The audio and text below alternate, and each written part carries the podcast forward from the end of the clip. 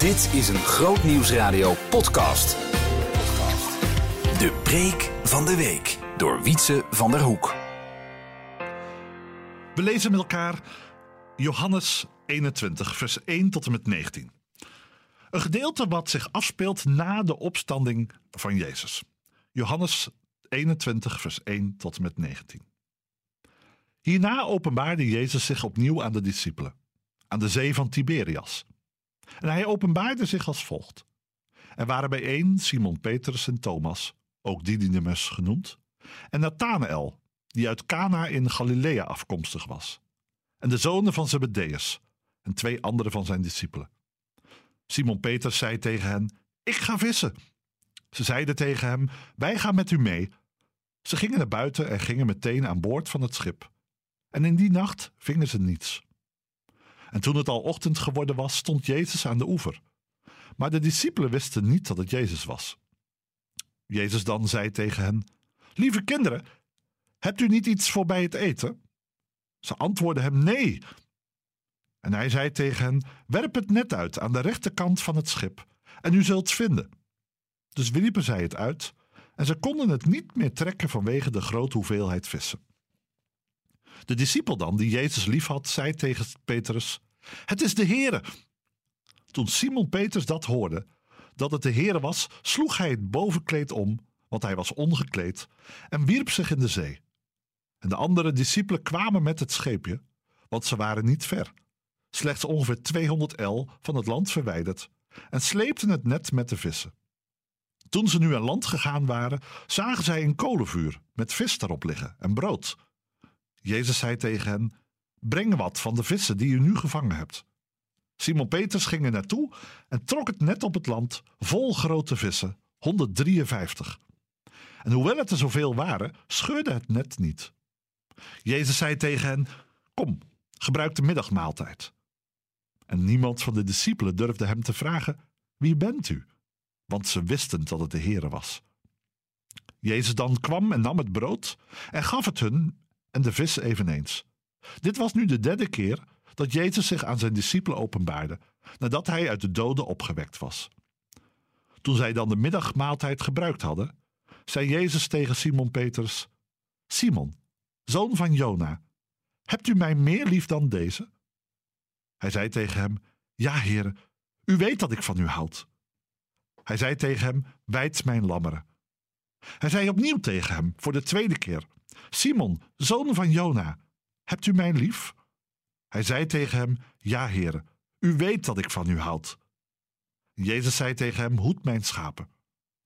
Hij zei voor de derde keer tegen hem: Simon, zoon van Jona, houdt u van mij? Petrus werd bedroefd, omdat hij voor de derde keer tegen hem zei: Houdt u van mij? En hij zei tegen Jezus: Heere, u weet alle dingen. U weet dat ik van u houd. Jezus zei tegen hem: Wijd mijn schapen. Voorwaar, voorwaar, ik zeg u: toen u jonger was, omgorde u uzelf en liep u waar u wilde. Maar als u oud geworden bent, zult u uw handen uitstrekken en een ander zal u omgorden en brengen waar u niet heen wilt. En dit zei hij om aan te duiden met wat voor dood hij God verheerlijken zou. En nadat hij dit gezegd had, zei hij tegen hem: Volg mij. Ik ga vissen, zei Petrus. En wij gaan met je mee.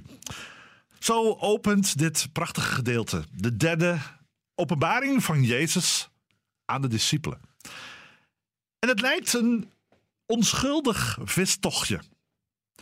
Maar alleen het gezelschap bij elkaar, zoals het al genoemd wordt in vers 2, zorgt ervoor dat het een bootje met een zootje was.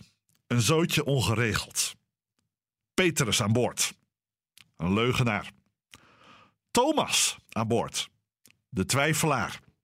Nathanael, de pessimist, die ooit tegen Jezus zei: Kan er ooit iets goeds komen uit Nazareth? En dan ook nog de twee zonen van Zebedeus. Twee omhooggevallen types, die bekvechtend zichzelf omhoog wilden werken om naast Jezus te mogen zitten. Met z'n allen in een bootje. Het zal een gezellige boel geweest zijn. Echter, dat was het niet. Want het verhaal wat op weg gaat, levert eigenlijk een barre tocht op. De hele nacht gevist, geen moer gevangen. De Heer, nergens meer te zien. Geen toekomst. Een schuldgevoel van hier tot Tokio om wat er allemaal gebeurd was, om wie zij waren met al hun grote monden. Eigenlijk lijkt dit verhaal weer helemaal terug te gaan naar het begin van het evangelie. Deze mannen waren vissers van beroep. Drie jaar geleden waren ze dit aan het doen toen hun leven veranderde en het leek een sprookje. In hun ogen op dat moment was het als een zeepbel uit elkaar geklapt. Ze waren maar gaan vissen. En toen klonk die stem. Die stem ergens vanaf de kust. Ze herkenden Jezus niet. Of toch wel konden ze hem niet zien vanwege de ochtendschemering, want het was vroeg in de ochtend. Maar die stem zegt: Hebben jullie iets te eten? Nadat er een discussie was, discussie, eigenlijk werd er gezegd: Nee, we hebben niks. Werp het net aan de andere kant. En dan gebeurt er iets in het hoofd van Petrus. Een flashback. Dit heb ik eerder gehoord. Dit is mij overkomen toen ik geroepen werd drie jaar geleden. Werp uw net uit aan de andere kant. En dan, als het ware als een vonk in de gedachten van Petrus, hij springt overboord. Hij herkent het. Het is de Heere. Hij, hij kleedt zich aan. Ik zal me uitkleden als ik het water in spring. Maar hij kleedt zich aan en springt het water in en zwemt naar de, kist, naar de kust. En de scène die zich dan een beetje afspeelt, zou je bijna kunnen zeggen als een veredelde barbecue. Maar wel een beetje een ongemakkelijke. Jezus is duidelijk de gastheer, maar er heerst een ongemakkelijke stilte. Je, je leest het als het ware door de tekst heen. Dat er een beetje getwijfeld wordt. Is, is dit wel de Heer? Zou die een ander uiterlijk gehad hebben of zo? Zou er toch nog een beetje getwijfeld worden aan die opstanding? Het was dan wel de derde keer. Maar ik denk dat er vooral een stuk ongemak is vanwege een loyaliteitsprobleem. Doel, laten we eerlijk zijn. Ehm, het is een beetje een teleurstellende situatie. Ehm, Jezus is opgestaan. Ja, dat hebben ze gezien. Dat hadden ze ook gehoord. Daar, daar waren ze blij mee. Het was prijs de Heer, halleluja. Jezus leeft. Maar nu is de vraag in dit verhaal. En zijn volgelingen? Leven die ook? Komt het daar ook mee goed? Is dat misschien ook niet de reden dat er een bepaalde ongemakkelijkheid afstraalt van dit verhaal? Het is geen stilte van samen genieten van het uitzicht. Het is geen stilte dat je niets hoeft te zeggen, want we hebben het zo goed met elkaar. Er hangt een geladenheid in de lucht. En je hoort als het ware de gedachten van Petrus gaan. Als hij denkt over zijn eigen aandeel. Want ja, Petrus, hij was het toch die Jezus verraden had. En ach, het was toch ook Judas misschien wel die het gedaan had. En de Romeinen hadden hem toch gekruisigd. De hoge priesters hadden hem toch veroordeeld. Ja, het was misschien nog wel een beetje begrijpelijk dat hij gelogen had. Het is die stilte die we misschien soms wel eens herkennen in ons eigen geloofsleven. Waarin de boel willen goed praten met God. Het ongemak over de dingen die gebeuren tussen jou en Jezus. De zelfrechtvaardiging over de zonde en ongerechtigheden die wij ook doen. Hier is het Jezus zelf. Die de ongemakkelijke stilte doorbreekt als we kijken vanaf vers 12. Jezus zegt: Kom, kom, gebruik de middagmaaltijd. En dan staat er ook: En niemand van de discipelen durfde hem te vragen. Maar dan wordt de stilte doorbroken. Vanaf vers 15. De vraag van Jezus, die begint met de oude naam van Petrus, Simon. Simon Petrus. Simon, zoon van Jona, Bar Jona. Zijn naam wordt genoemd. Niet Petrus de rots, niet, niet geroepen bij zijn functie, bij zijn ambt, bij zijn roeping. Niet Simon, zoon van Johannes, vertrouw je mij.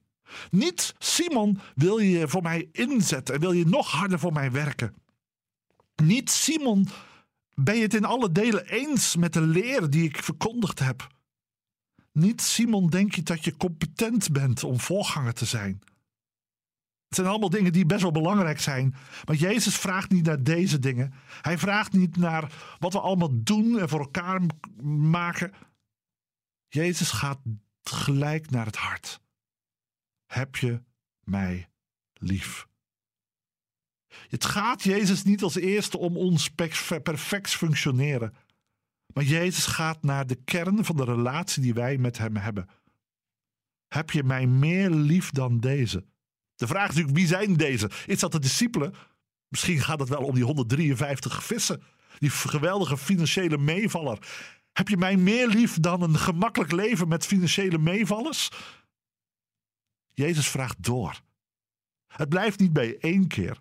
Maar Jezus graaft steeds dieper naar het hart. Heb je me waarlijk lief? En Petrus wordt bedroefd. Hè? Misschien zou je al diep aan de oppervlakte wel, wel, wel, zou hij wel boos kunnen worden. Wat wil Jezus? En we zien een Petrus die staat te wankelen op zijn geloofsfundament. Alles was chaos de laatste weken. Verloochening, kruis, opstanding, verschijning. En Jezus blijft doorvragen: Heb je mij lief, Petrus? Heb je mij lief?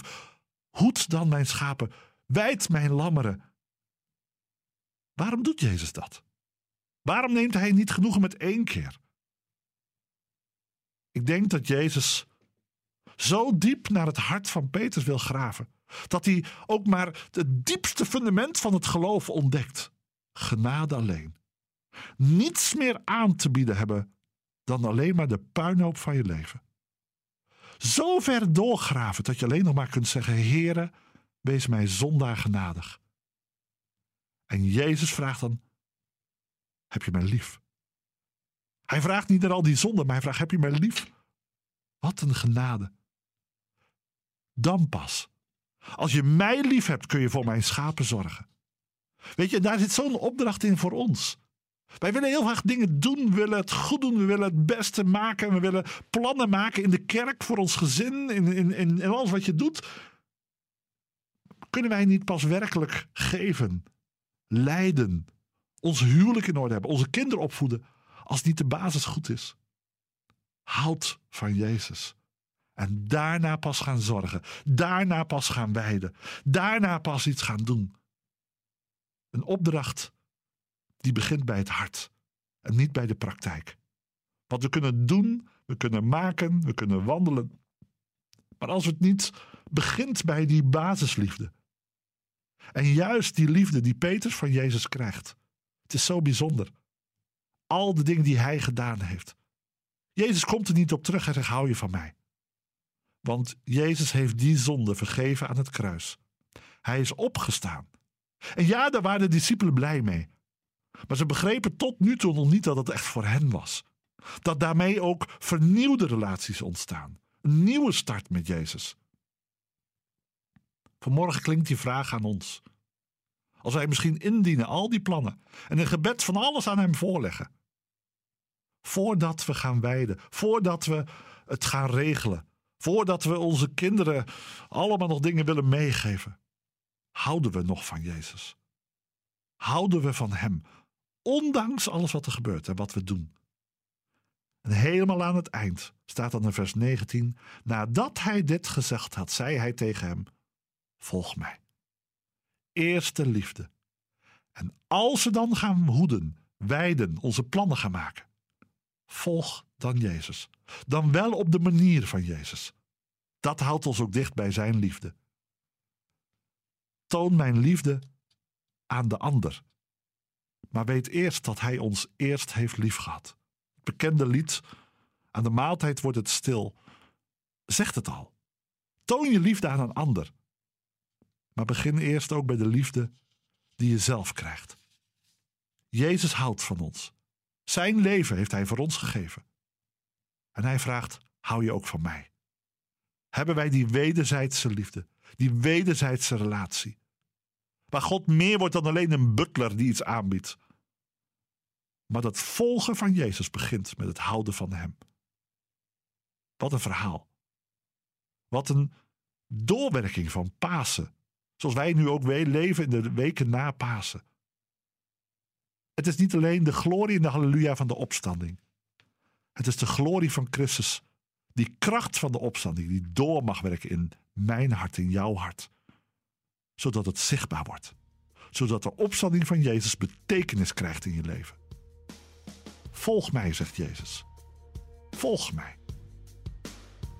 En dan kunnen we alleen maar zeggen, heren, ik houd van u. Want ik mag u volgen. Want u houdt van mij. Amen. Behoefte aan meer? Grootnieuwsradio.nl slash podcast.